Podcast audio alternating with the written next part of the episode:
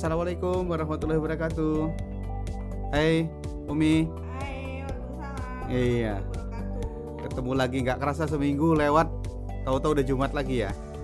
Iya, cepet banget nih hari berlalu. Iya. Gimana kabar di sana? Baik, alhamdulillah Mas Edi ini sudah mendekati akhir bulan ya. Sudah. Akhir bulan aja ya. Nggak berasa. Tiba-tiba nanti udah bulan baru lagi gitu Nah, ya. Heeh, gitu kok kita orang Mm-mm. di penjualan seperti itu siklusnya ya. Awal bulan Iya, tahu-tahu sudah akhir bulan lagi. Iya betul, cepet banget rasanya bergulir hari itu. Heeh. Nah, kemarin Kemarin tuh Nah, itu Mas, gimana? habis kita ngobrol yang Jumat lalu itu kan eh, langsung ini ya koordinasi sama tim. ya Aku bilang, iya ya kita itu kayaknya kurang ya ininya apa trainingnya ma- selama ini masih sa- searah gitu ya. Jadi Heeh. belum banyak memang me- mempraktekkan yang role role play itu loh Mas. oh role playnya yang kurang ya. Heeh, mm-mm. Iya. Ya mudah-mudahan makin ya, jadi semangat kalau udah dijalanin Betul, role playnya. pada nyadarin itu terus akhirnya kita bikin jadwal nih mau bikin jadwal mau rutin kan gitu loh mas Role playnya ya. Mm-mm, karena memang perlu banget sih memang ini Iya. Ya alhamdulillah. Mudah-mudahan gitu juga kita di kantor sini juga di bisnis properti kita juga mulai ya role play rutin ya kita sarankan begitu masuk ya 15 menit sampai ya walaupun cuma 10 menit 15 menit itu mulai role play itu akan punya dampak besar pada perubahan dan perkembangan dari kualitas marketingnya teman kita. Mm-mm, gitu ya. Gitu. yang Hah, penting konsistenin aja ya mas ya? Iya, iya, harus konsisten kan betul betul. Iya nih mas, aku sama mau nagih janjinya nih yang minggu lalu yang mau cerita soal tanda-tanda seorang apa sales itu yang menyebabkan gagalnya gitu loh. Oh, iya ya Menyebabkan di tidak akhir podcast berhasil. kemarin kita sempat bahas ya di awal ya. Oke, oke. Boleh, boleh. Eh, by the way belum dibuka ini acaranya. Ayo coba Oh, Umi yang iya, buka iya, ini. yang buka ya. ya. Halo, assalamualaikum warahmatullahi wabarakatuh. Semangat pagi teman-teman. Kita ketemu lagi di Jumat pagi Mm-mm. bersama eh, Mas Teddy. Ya, di Teddy Sitepu. Uh-uh, Ya. Mas Teddy Sitepu dan aku Rina Sitepu. Nah, jadi ceritanya hari ini aku nagih janjinya Mas Teddy yang minggu lalu kan mau janjiin hari ini eh, apa mau bahas yang beberapa tanda seorang eh, sales tidak berhasil gitu ya Mas Iya, ya. betul. Heeh, nah, Betul. ayo Mas cerita Mas Ya. biar kita bisa tahu juga dan bisa mewaspadai itu kan ya biar Betul. kita nggak termasuk yang seperti itu gitu. Iya, iya. Oke, Iya. Mas. Oke, siap. Ya, Assalamualaikum warahmatullahi wabarakatuh, teman-teman sekalian. Hari ini episodenya spesial ya karena marketing Supercamp dibuka oleh Umi Rina. Ya mudah-mudahan ke depan terus eh, saya nggak sendirian, bisa ditemenin terus oleh eh, Umi Rina ya. Udah 40 episode eh, nyiapinya sendiri Sendirian terus. ya. Iya. Nah, Betul Umi. Jadi minggu lalu kita janji akan membahas beberapa sebab ya. Eh, saya catat ada 9 sebab ya, terutama yang Mm-mm. menyebabkan mengapa seorang sales kah ya disebut sales, seorang agent atau di dunia network marketing disebut konsultan gitu ya.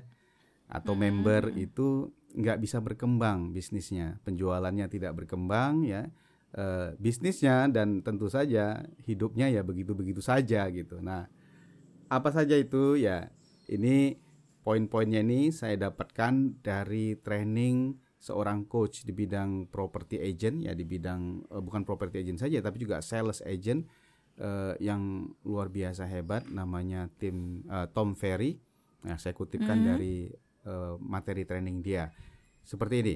Yang pertama adalah sebagian besar ya kebanyakan Iya. dari para sales agent kah ya sales profesional member dari network marketing itu hanya mau tapi tidak berkomitmen. Nah, itu dia. Hanya mau tapi tidak berkomitmen.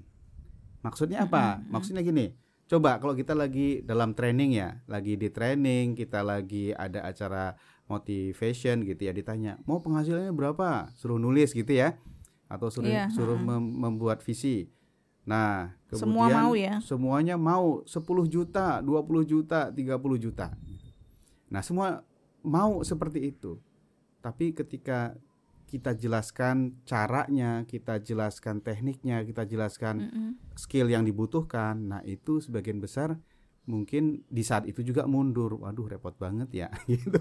Belum lagi nanti Mm, kalau iya. di eh, dunia nyatanya eh, dia harus eh, apa namanya? nyiapin iklan, nyiapin brosur, nyiapin materi posting, buat foto-foto produk, gitu kan ya. Kan kita harus melakukan Iya, secara mandiri kan. Mm-mm. Nah, itu ke- iya. Iya, nah kemudian itu Mm-mm. eh, tidak dijalankan atau tidak tidak dilaksanakan. Makanya beda sekedar mau sama berkomitmen. Kalau berkomitmen, kita sudah bilang tadi, saya berkomitmen, saya mau mendapatkan penghasilan yang tadi disebut apakah eh, berapa tadi 10 juta, 20 juta. Oke, saya butuhkan eh, apa saja. Oh, ilmunya harus bisa presentasi. Oke, saya mau melakukan belajar presentasi. Ilmunya harus bisa menjelaskan produk lewat brosur. Ya, saya harus menguasai produk dan brosurnya dong. Kalau saya harus mendapatkan 10 penjualan atau 10 konsumen bulan ini. Nah, saya harus mencari 10 konsumen. Supaya dapat 10 konsumen, saya harus melakukan sekian kali posting. Nah, saya melakukan sekian kali posting. Nah, jadi orang yang berkomitmen akan memenuhi apa pun syarat yang terjadi atau yang dibutuhkan untuk mewujudkan komitmennya tadi. Sementara yang cuman ya Cuma mau mau. ikut-ikutan gitu ya akan gugur dengan sendirinya dan kebanyakan orang ada di eh, masalah ini gitu. Jadi hanya mau, hanya minat tapi tidak berkomitmen gitu. Mm-mm. Itu yang pertama. Lanjut, Mas. Nah, yang kedua ini tidak berpikir besar, tidak berpikir strategik. Jadi mikirnya kalau jual produk ya sudah, aku jual produk ini aja. Kalau saya mau jadi seorang sales agent eh, produk kosmetik misalnya, ya sudah, saya cuman eh, hanya sebagai produk kosmetik atau kalau dia se- seorang sales properti, ya aku ini jualan rumah saja gitu. Nah, padahal kita itu harus berpikir besar. Artinya cita-cita kita itu besar. Kita mau capai sesuatu itu yang besar dari eh, produk kita ini, dari profesi kita ini. Karena itu kita juga harus mengetahui hal-hal yang besar dalam produk itu. Misalnya kalau di perumahan ya, apakah ada kebijakan baru, apakah ada pembangunan transportasi baru, apakah ada eh, hal-hal terkait pajak yang baru? Begitu. Begitu juga kalau di dunia eh, kosmetik, dunia kesehatan ya kan nggak cuma sekedar jual produk. Dia harus paham bagaimana kaitannya produk ini dengan halal haramnya, bagaimana produk ini terkait dengan regulasi atau terkait dengan aturan BP POM kan gitu ya kan suka ada yang makanan dilarang oh, ini berbahaya itu tidak berbahaya.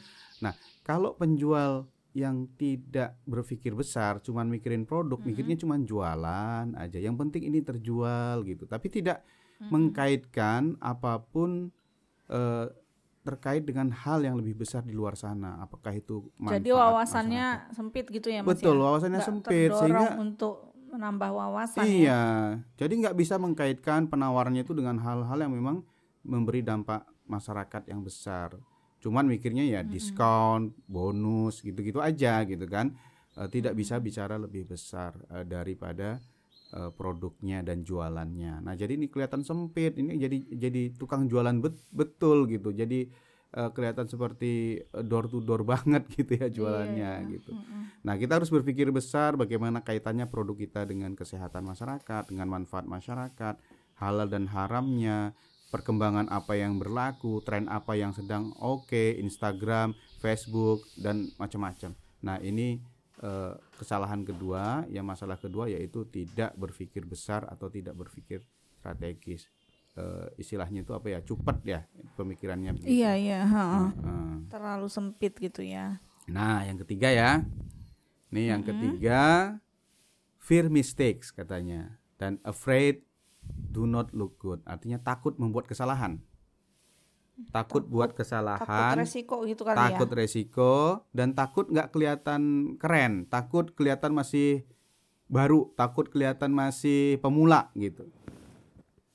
Padahal kan kadang-kadang kita ini memasuki dunia penjualan di sales marketing ya, eh, network marketing ya bergabung dengan network marketing itu sering kali kita itu kan jatuh lagi menjadi seorang yang newbie, yang member baru. Pernah kan ngalamin kan? Begitu register kan kita pas jadi jadi pemula nih gitu, jadi murid, jadi downline gitu kan.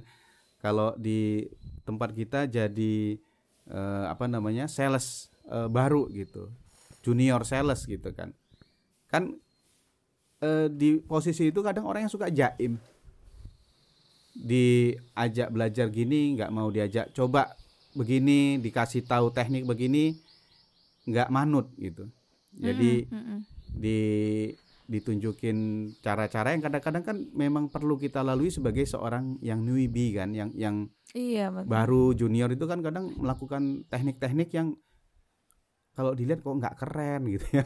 Kok nggak Iya, apa, iya. masih baru ke- ke- kesannya junior. Padahal itu bukannya eh, sengaja oleh atasan kita oleh supervisor kita.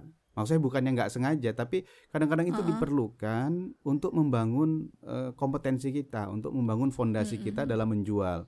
Nah sering kali orang yang baru bergabung ya baru masuk diajarin begini ngerasa ah itu kan tuh anak baru saya kan udah senior gitu loh Heeh.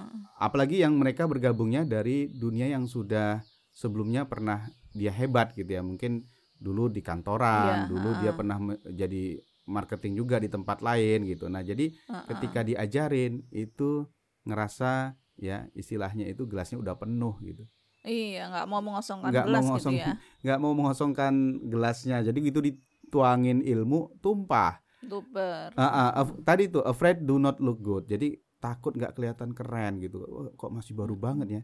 Misalnya diajarin Hmm. canvassing kan gitu ya. Kan kalau orang yang sudah Heeh. eh, senior gitu kok canvassing kayak anak magang. Iya, iya.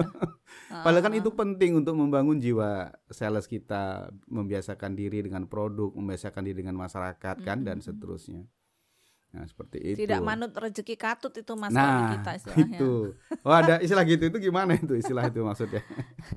Ya gitu, pokoknya kalau ada apa kita itu masih baru ya kita itu manut aja sama arahan yang sudah berpengalaman. Toh yang seniornya nggak mungkin menjerumuskan gitu Nah, loh. Pasti itu, itu. juga Betul. kita pengennya semuanya kan berhasil Iya, gitu. iya. Tapi kalau yang baru itu terus nggak mau manut, nah itu biasanya awal dari ketidakberhasilan Masalah, biasanya. iya, Dia, dia jadi udah membentuk penolakan gitu di Betul. ajak gini nggak Iya. mau diajak Iya. gini nggak mau Iya.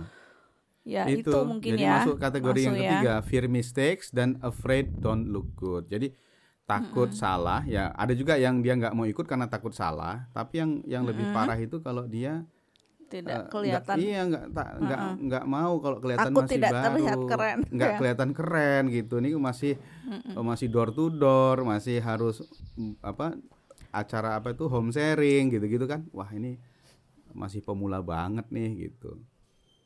Ya itu. Oke berarti yang keempat ya. Ini sekarang kita lanjut ke masalah yang keempat ya. Mengapa eh, agent itu eh, gagal ya jadi masalah yang keempat adalah tidak punya role model atau role modelnya salah Mm-mm. Ya. Jadi masalah yang keempat, eh, tak ulangi ya. Jadi iya masalah yang keempat, mengapa seorang eh, sales atau seorang agent ya eh, member dari network marketing itu gagal karena dia tidak punya role model atau punya role model salah. Ya. dia ya, itu. mengambil role model yang keliru gitu kan Ya, atau memang lingkungannya nggak itu ya. menyediakan role model itu. Contohnya Oh, begini. gitu. Heeh. maksudnya begini. Dalam eh, sebuah teori itu disebut kita itu ya tergantung dari lima orang yang paling kita sering menghabiskan waktu dengannya. Ya. Mhm. Pernah Jadi lima orang yang paling sering kita habiskan waktu bersamanya itu mempengaruhi cara pikir kita, cara ngomong kita, bahkan termasuk cara berbicara kita. Iya, Gitu. iya. Nah, Mm-mm. kalau lima orang ini eh, salah ya, maka salahlah pikiran kita, salahlah cara ngomong kita, salahlah eh, mindset kita Cara dan kita oh, ujungnya kinerja kita juga, ya. akan jadi salah gitu. Makanya penting sekali kita mencari lingkungan ya atau suatu jaringan yang punya role model yang positif, yang kita tiru, yang bisa menjadi inspirasi kita. Kalau kita lihat dia, kita bisa berkata, "Wah, aku tuh pengen banget bisa eh, apa namanya melakukan prospecting kayak dia tuh. Kalau presentasi kayak dia. Wah, kalau closing tuh keren banget ya si Mbak itu atau si Mas itu." Nah, itu yang kita contoh gitu. Jadi Iya, kita iya. harus mencari siapa role model yang menjadi inspirasi kita. Karena kalau kita salah ya, salah bergaul ya, ketemu sama lima orang yang isinya pesimis, isinya negatif, akhirnya kita jadi terbawa ikutan pesimis negatif, negatif. ya. Kalau kita ketemu sama orang yang cara closingnya salah, cara prospectingnya salah, akhirnya cara kita juga jadi salah. Jadi ini penyebab keempat tidak punya role model atau role modelnya salah gitu. Salah. Mm-mm. Gitu ya. Mm-mm. Nah, Lanjut. lanjut. Oke, yang kelima. Yang kelima itu ini agak bahasanya begini. Tokonya cuma buka satu jam sehari. Mm-mm. Nah, maksudnya apa? Nggak- Ya, nggak konsisten ini gitu. tokonya cuma buka satu hari. Nah, ini ini ibaratnya begini. Coba pernah lihat nggak pom bensin? Iya, Bukanya berapa jam sehari? 24 jam. 24 jam. 24 jam sehari, berapa hari seminggu? 7 hari seminggu. tujuh hari seminggu. Nah, bayangkan ada orang buka toko, bukanya cuma satu jam sehari. Kira-kira penjualannya bisa banyak apa enggak? Mm-mm. Iya kan? Nah, Iya. ini juga penjual, agent, ya, yang sering menganggap ya sudah saya cuma mau melakukan prospecting di waktu yang saya suka. Ya, saya cuma posting di satu saat suka. Saya cuma ngiklan di tempat di waktu yang saya suka gitu. Padahal orang lain itu melakukan lebih Melakukan dari lebih itu. iya. Betul, betul. Orang lain ada yang ngiklan di tempat di 10 media, ada yang ngiklan di 10 online, ada yang ngiklan eh, berapa kali di media sosial ya. Dan tentunya dengan cara yang baik ya. Ngiklan ratusan kali di media sosial dengan cara spamming ya juga salah ya. Nah, Iya, tapi betul. kalau kita melakukan cara yang umum dilakukan orang lain, maka penjualan kita akan mati pelan-pelan. Mm-mm. Maksudnya gini, kalau kita melakukan yang semua orang lakukan, ya kan, akhirnya kan nggak ada kita, bedanya kita nah, dengan orang nggak ada gitu ya. bedanya dengan orang lain, dan itulah resep paling cepat untuk membunuh penjualan kita. Mm-mm. Jadi kesimpulannya kalau mau sukses, ya berarti tokonya harus buka 24 jam sehari, 7 hari dalam seminggu. Makanya website yang kemarin kita buat untuk bisnismu Umi kerja di rumah.com itu itu salah satu implementasinya. Dengan demikian Iya, kita iya, punya betul. alat, punya media yang bekerja untuk kita, yang mencari konsumen untuk kita 24 jam 24 sehari. jam, Betul? Mm. Dan tujuh Betul, hari dalam seminggu terus menerus nggak ada liburnya dia. Betul, kadang tengah malam juga ada loh mas. Nah seperti itu. Ah, sering bahkan. Padahal kita lagi lagi udah istirahat ya. Ada tuh. Iya. Coba. Nah ya? itulah ibaratnya kalau kita buka tokonya cuman pas kita lagi eh, layah-layah terus baru ngerjain iklan, ya gimana dengan yang melakukannya selama 24 jam sehari ya kan? Betul, betul. Nah, jadi yang garis di bawah sini adalah kalau kita melakukan cara yang dilakukan orang pada Kebanyakan umumnya, orang. Mm-mm. siap-siaplah penjualan kita akan mati pelan-pelan.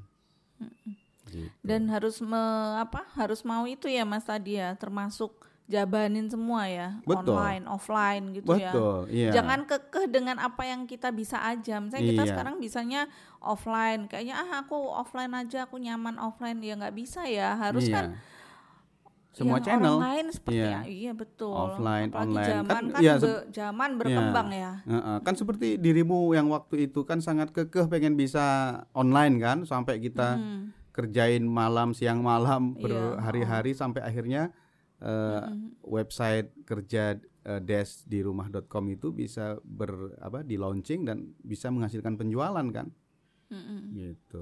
Nah, jadi ya intinya selain kerja keras ya memang juga kerja cerdas ya kita buka tokonya dengan baik tapi juga kita harus eh, kontennya diperhatikan, kualitas fotonya diperhatikan, kualitas kata-kata copywritingnya juga diperhatikan gitu. Jadi Betul, biar betul. eh, maksimal kan hasilnya. Ya. Harus mau investasi lebih untuk betul. membesarkan investasi bisnis lebih. sendiri ya Mas Iya, ya. Baik itu iya. investasi waktu, tenaga, uang juga ya kan ya. Ya, nah itulah yang nanti eh, masuk ke dalam yang yang mindset yang di poin yang keenam yang nyebab gitu. gagal itu. itu? Nah, yaitu mindset mindsetnya Senin, Jumat dan 8 sampai 5. Nah, mindset kerja itu ya cuma Mindset- Senin sampai Oh, Jumat iya, iya. gitu. Dan jam kerjanya jam 8 sampai jam 5. Kan? Padahal Yang masih punya mental seperti pegawai itu, itu ya, Mas. betul. Yang anggap bahwa menjual ini pekerjaan seperti itu. Enggak menjual ini ya tergantung kepada konsumen. Konsumen kita itu available-nya kapan? Konsumen kita itu bisa dihubunginya kapan? Kan begitu ya. Seperti eh, prospek yang masuk lewat eh, kerja di rumah.com itu kan? Kerja di rumah desk.com itu itu kan masuknya malam hari kan Iya betul. nah kalau kita nggak layani kan dia hilang Iya iya. Iya. Nah, jadi kita harus pintar ngatur waktu, kita harus paham konsumen itu kapan-kapan saja adanya dan konsumen itu bisa kita kontak kapan yang paling nyaman itu harus kita pegang. Dan kita harus keluar dari zona Senin sampai Jumat. Kalau Sabtu harus kita bekerja dalam eh, menjual, ya kita harus lakukan. Kalau kita harus eh, prospeknya jam 7 sambil olahraga ya jam jam 7. Nah, sehingga penjual yang baik itu ya sales agent yang baik itu nantinya nggak lagi ngerasa punya kerjaan. Seperti nggak tidak nganggap lagi bekerja. pekerjaan. Iya tapi dia nganggap ini bisnisnya ini hidupnya gitu ini cara hidupnya Iya, ini, gitu. uh-uh, lifestyle ya. lifestyle karena kalau ini dianggap ya lagi ngapain? Lagi kerja gitu ya ya namanya kerja ya ada waktu istirahatnya. Tapi ini lifestyle ya kita memang begini gitu. Bagian dari hidup kita kita ketemu konsumen kita prospek kita dan seterusnya itu ya bagian dari hidup kita gitu. Mm-mm. gitu. Oke ya itu yang keenam ya. Jadi mentalitas Senin Jumat dan jam 8 sampai jam 5 itu eh, penyebab keenam yang paling banyak eh, ini yang paling banyak membuat Terjadi. orang ya tidak bisa berhasil. Nah, yang ketujuh ya, yang ketujuh tidak punya keahlian dan tidak punya pengetahuan. Gitu. Nah, sering kali orang masuk ke dalam dunia penjualan, ikut member network marketing, ikut MLM, ikut macam-macam gitu eh, dengan modal ya sudah saya ikut saja gitu. Ya memang kan sebagai awalan kita merekrut itu kan memang salah satunya bahwa ini eh, sesuatu yang mudah dilakukan. Tapi kan mudah Betul. dilakukan tetap butuh latihan, tetap butuh Betul. ilmu. Nggak nggak mudah dilakukan kita merem. Bisa kan siapa juga mau kan Ah, mau ah, begitu kan. Iya, iya. Ya, tapi ini butuh langkah-langkah yang tertentu dengan metode tertentu yang tadi sudah kita susun ya kita ajarkan pasti ya tingkat keberhasilannya tinggi kan begitu ya Iya Ya kan? betul. Mm-mm, Saat bukan dia saat Mm-mm. dia mau bergabung tidak ada masalah dia mau bisa atau Apa enggak tidak, betul. apa-apa. Yang Ha-ha. penting setelah dia memutuskan untuk bergabung dia mau belajar. iya mau Itu kan, belajar dan berkembang kan lucu kalau ada orang waktu bergabungnya begitu terus pengen eh, nggak berkembang nggak berkembang nggak belajar nggak ingin terus mau jadi Mm-mm. diamond gitu kan lucu ya Iya. jadi keadilannya jadi nggak ada. Masa yang orang nggak pernah belajar juga bisa jadi diamond kan lucu.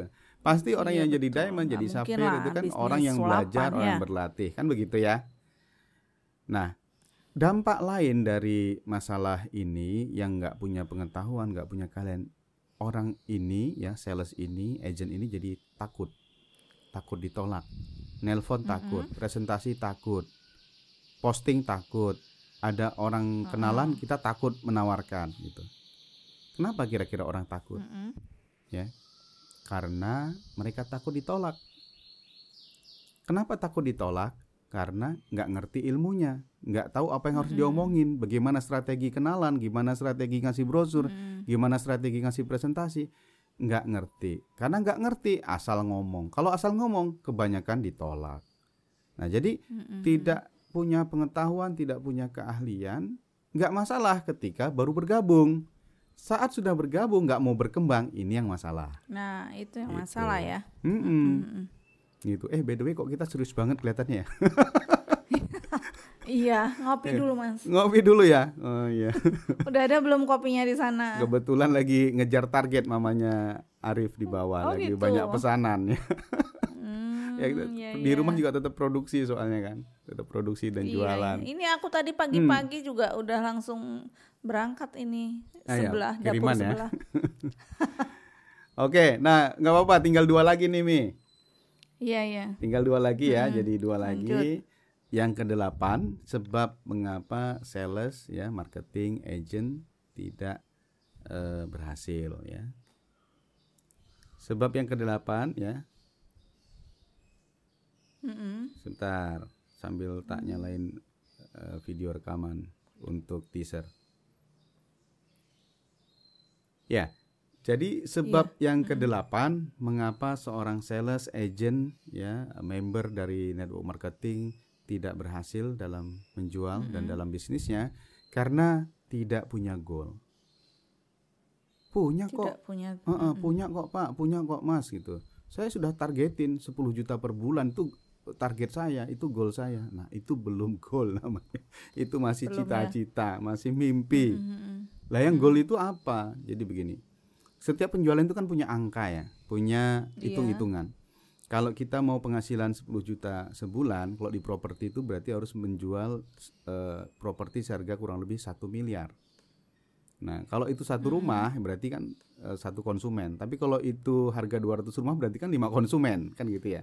Iya, iya. Nah, lima konsumen, lima konsumen itu bisa didapat kalau sudah ada 10 booking. 10 booking itu bisa kita dapat kalau kita sudah ketemu ya satu bookingnya kurang lebih 20 sampai 30 orang atau kurang lebih 150 orang kita ketemu. Dengan orang kita nawarkan ke orang dalam bulan itu. Itulah baru kita bisa dapat booking eh, sebanyak 5 konsumen. Baru 10 juta sebulan itu kita dapat. Goal tadi itu adalah ketemu 150 orangnya itu, itu goalnya, gitu. bukan 10 juta per bulannya. gitu. Jadi kalau kalau di multi level marketing mungkin kalau mau dapat eh, 10 member baru harus ketemu atau menawarkan ke 100 Berapa orang. Iya. Nah, jadi yang jadi target, yang jadi goals yang untuk kita kejar tiap hari itu bukan 10 jutanya, tapi 100 breakdown orangnya.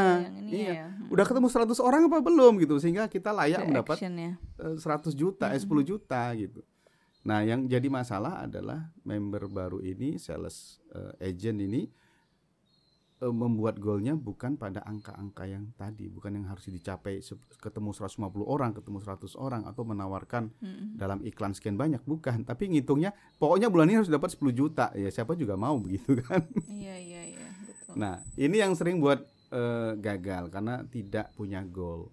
Nah, goal itu yang yang harus kita canangkan, yang harus kita kejar dari hari demi hari. Bukan cuma nilai closing fee-nya gitu. Itu itu dampak dari goals itu tercapai.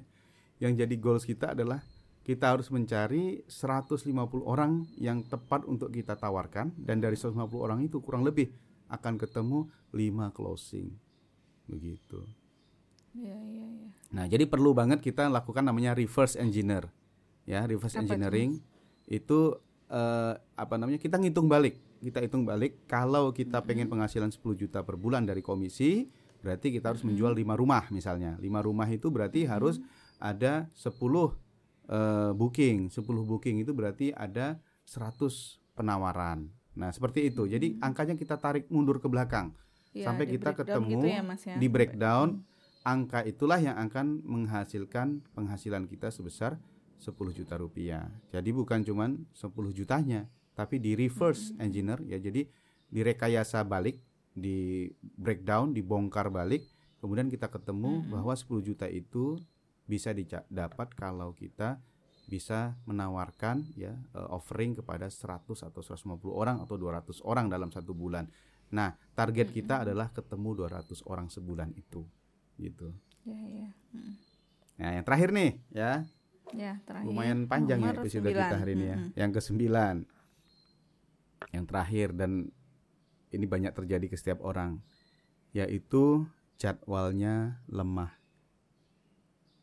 Tidak punya to do list gitu, Mas? Ya, apa week jadwal? schedule. Jadi jadwalnya lemah. A- ada orang pengen eh, juara lari olimpiade. Kira-kira apa ya boleh dia latihannya seminggu sekali? Ya pasti nggak mungkin. Yang kita lah mungkin la- lari seminggu sekali boleh gitu ya untuk olahraga. Tapi yang mau lari untuk jadi juara dunia di olimpiade nggak mungkin latihannya seminggu sekali Seminggu sekali. ya kan? Nah, jadi yang orang yang punya cita-cita tinggi, yang punya target tinggi, nggak mungkin jadwalnya banyak kosongnya. Hari Senin kosong, nggak nggak ada apa-apa. Hari Selasa kosong, nggak ada apa-apa. Nanti hari Kamis baru ada satu appointment. Dapat nggak kira-kira sa- 10 juta sebulan? Kemungkinan besar nggak dapat. Ya kan? Nah, orang yang berkomitmen tadi dan orang yang punya cita-cita tinggi, jadwalnya pasti sibuk.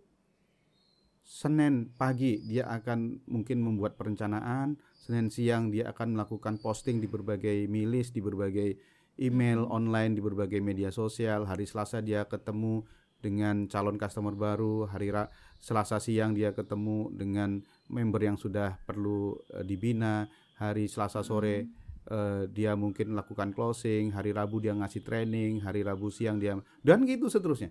Kalau kita lihat jadwalnya itu bisa padat sekali dan eh, dan dari waktu ke waktu itu terisi dengan kegiatan yang membawa dia kepada eh, target yang dia cita-citakan tadi. Dan yang sudah tadi yang- ter, terencana gitu ya, Mas yang ya. terencana Nggak dadakan ya. nggak nggak cuma dadakan nggak cuma sekedar masalah dadakannya tapi juga difikirkan bahwa eh, kegiatanku Tingkat ini urgensinya. akan membawa kepada hasil yang dituju tadi Mhm. karena bisa juga kita sibuk tapi tidak Mhm.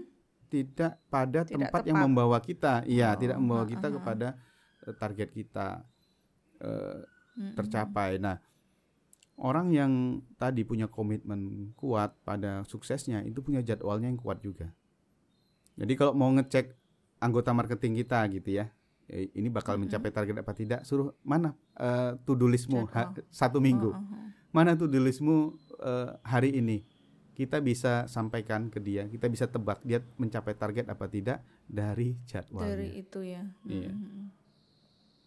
Show me your schedule Berarti I will tell your yang- result gitu Oh iya iya iya iya, betul. Da- jadi dari yang nomor 8 sama nomor 9 ini tadi ya Mas bisa dilihat ya. iya orang yang Apakah goalnya itu goalnya akan tercapai tidak. Coba dilihat nih ininya dia. betul Ya, rencana dia to di di angka 8-nya apa tadi aja gitu. iya dia to apa aja Rencana jadwalnya blank nggak ada ini sama sekali rencana ketemu orang aja nggak ada Nggak gimana ada, mau betul. tercapai ya Mas Betul, ya. iya. Iya, akan orang di dunia network marketing dan di dunia sales itu kan mendapatkan hasil dari kontak, dari ketemu, dari berbicara, dari menghubungi. Nah, kalau itu tidak ada dalam jadwalnya, bagaimana bisa kita bilang dia akan menghasilkan target yang dicita-citakan? Gitu. Mhm. Coba ba- eh, perhatikan deh. Kalau ada orang kita kasih waktu, kita kasih kebebasan memilih eh, nggak melakukan apa, tidak kita atur to do listnya. Kita buat sebebas-bebasnya deh orang, terserah mau melakukan apa saja. Sama orang yang kita atur jadwalnya, harus begini, harus begitu, begini, ini dicapai, ini tanggal sekian, ini dicapai tanggal sekian. Kira-kira yang akan menghasilkan lebih banyak orang yang bebas atau yang jadwalnya diatur? Iya jadwalnya diatur. Mas. Pasti, iya. Jadi ya. disiplin itu kuncinya. Jadi kalau kita punya masalah dengan disiplin, ya berarti kita punya masalah dengan target, kita punya masalah dengan hasil. Ujung-ujungnya, ya penjualan kita nggak naik-naik. Seperti Iya itu. iya iya. Nah itulah dari poin 1 sampai 9 tadi kelihatannya eh, sepele gitu, kelihatannya eh, ah sa- saya nggak terlalu begitu deh gitu. Tapi kalau yang 1 sampai 9 itu terjadi, ya nggak terasa pelan-pelan nanti penjualan kita akan wafat gitu. Iya iya. Eh, penjualan Dan ini kita akan turun. akumulasi ya Mas ya. Tidak Akumulasi. salah satu ya. Iya. Semuanya ini ya. Betul, nanti At- la- mm, mm, mm. lama-lama masalah ini membesar, membesar. Akhirnya kita sampai nggak punya jualan, sampai kita tuh males dan akhirnya kita bilang ini bukan bidangku, aku nggak jodoh di sini, aku nggak bakat Iya, di iya. jualan gitu. Padahal sebetulnya karena banyak hal tadi itu nggak diperhatikan. harus satu persatu nih mas aku dipetani istilahnya nih di Hmm, tim ya hmm. Iya nanti kalau masih eh, ada satu dua juga yang terjadi nih harus semuanya segera di, diobati. Ah, ah. Ya, segera diobati. Nah, paling bagus kan sem- 1 sampai 9 ini ya mungkin para teman-teman sales, sales leader di luar sana eh mencatatnya ya atau nanti kalau catatannya sulit dari podcast ya nggak bisa ngikuti pembicaraan kita, saya posting juga ini di eh, apa namanya marketingsupercamp.com nanti catatannya Iya, bisa di di copy dari situ terus ajak dibikin merenung. artikel ya mas ya? Iya, nanti dibuat artikel terus kemudian eh, teman-teman sales anggota atau member kita diajak kontemplasi di poin-poin ini. Ada nggak ini terjadi.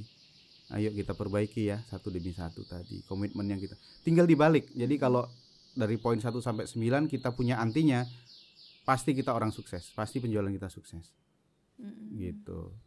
Jadi penting banget buat eh, teman-teman sales, eh, sales leader ya semuanya untuk bisa memperhatikan poin 1 sampai 9 ini kalau ada di eh, anggota kita gejala ini segera diobati ya, ajak Mm-mm. kontemplasi, kemudian ya kita bareng-bareng perbaikilah kan kita tim sales itu seperti saudara ya. Eh, seperti ya saling bantu membantu, saling bahu Teamwork. membahu, Mm-mm. teamwork ya, saling menguatkan ya karena sales itu kadang-kadang menjatuhkan mental kan buat lemes, Iya, iya. buat nggak semangat. Nah, ini tugas kita terutama para sales leader menguatkan ini dan eh, kita ajak teman-teman kita itu anggota sales kita untuk kontemplasi, untuk merenungi 1 sampai 9 penyakitnya di mana, terus kita obati.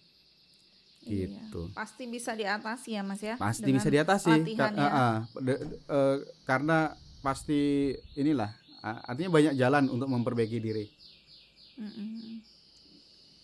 Ini kan sebagian ada yang berkaitan dengan mental, ada sebagian berkaitan dengan teknis, ya Teknis, mas ya. ya. Ini Nah. kira-kira lebih berat yang ke mentalnya apa ke Eh, teknisnya? dua-duanya nih, Mas, sih biasanya? beratnya. Nanti saling mempengaruhi Sama-sama itu deh. beratnya ya? Ah, ah, nanti nanti saling Iya, gitu mempengaruhi. ya. Kalau teh misalnya gini, yang soal tadi pengetahuan, kalau dia tidak melengkapi pengetahuannya, lama-lama dia mau nawarkan males, dia mau Mm-mm. eh, mengunjungi prospek males, dia mau posting di eh, media sosial males kan gitu ya. Nah, Mm-mm. dari kemampuan teknis yang kurang akhirnya jadi males, jadi eh, nggak bergerak gitu. Jadi saling mempengaruhi. Sebaliknya, ya. kalau memang dasarnya udah males, diajarin apa pun tetap males juga. gitu. Itu ya, saling Mm-mm. berhubungan Saling ya. berhubungan, betul. Nah, eh, mungkin nanti itu yang jadi tema kita terus ya di podcast Marketing Supercamp ini. Baik teknisnya, baik eh, motivasionalnya, nanti terus kita bahas Umi. Nanti kita Mhm. diskusi ya mungkin suatu saat kita ngajak member atau ngajak tokoh penjualan lain ya kita ajak diskusi untuk sharing-sharing pengalaman dia dalam mengatasi berbagai masalah tadi. Eh, Iya, di iya, timku betul. juga banyak itu yang orang yang eh, bukan siapa-siapa tadinya tapi setelah eh, diberi motivasi dan diberi skills ini eh, kinerjanya luar biasa melejit gitu. Gitu ya. Iya, tapi ada Hmm. yang sudah senior, ya, ada juga yang senior itu melempem gitu seperti itu. Nah, ini kita bisa sharing biar jadi pelajaran untuk teman-teman yang lain ya. Nanti mungkin juga dari jaringan Umi bisa diajak ngobrol juga ya. Iya betul betul. Mm-mm. Oke, nah kelihatannya udah cukup panjang nih pembahasan kita. Iya, khawatir iya. teman-teman bosan dengerin. Banyak Jadi, ilmunya nih mas tadi. Ah, nah lebih lanjut lagi teman-teman bisa buka eh, di website ya www.marketingsupercamp.com ya atau yang berminat juga belajar di ilmu jaringan, ilmu network jari apa ilmu eh, network marketing atau bisnis jaringan bersama Umirina ada Mm-mm. di websitenya Umirina www ya www Iya. kerja garis ya dash Heeh. di rumah.com Mm-mm. slash supercamp ya nanti Ya. keterangannya ada di eh, keterangan di link eh, podcast ini ya Umi ya Iya. heeh. nah, nanti Mas. bisa di di pandu kita bisa pandu teman-teman yang mau bergabung dalam network marketingnya bersama Umi Rina atau mau belajar eh, marketing lebih cara lebih umum lebih luas ayo kita bisa bergabung di marketingsupercamp.com jadi sepertinya kita harus mengucapkan salam perpisahan untuk minggu ini Umi Iya betul betul. Heeh. Minggu Ya. depan apa nih mas kira-kira kita ngobrolin apa biar teman-teman tahu Mm-mm, minggu depan itu saya punya usul tema tentang media sosial. Nah, Wah, menarik ini. menarik. Mm-mm. Eh, mungkin juga lebih banyak nanti Umi yang cerita ini, karena kalau saya perhatikan justru di jaringannya Umi Rina media sosialnya luar biasa banget perkembangannya. Nanti sambil sharing, Umi bisa cerita juga ya tentang Instagram, Instagram Live tentang itu ya. Oke, siap-siap. Mm-mm. Oke, gitu teman-teman sekalian eh, perbincangan kita hari ini. Semoga bermanfaat. Kalau teman-teman merasakan manfaatnya, eh, silahkan di like, subscribe atau diberikan komen dan disebarkan seluas-luasnya kepada seluruh anggota sales, kolega, ya teman, atasan atau bawahan kita di eh, bidang marketing. Akhirnya kami berdua, saya Teddy Sitepu Mm-mm. Saya Rina Sitepu. yang mengucapkan Assalamualaikum warahmatullahi Assalamualaikum wabarakatuh. warahmatullahi Sampai wabarakatuh. ketemu lagi semuanya.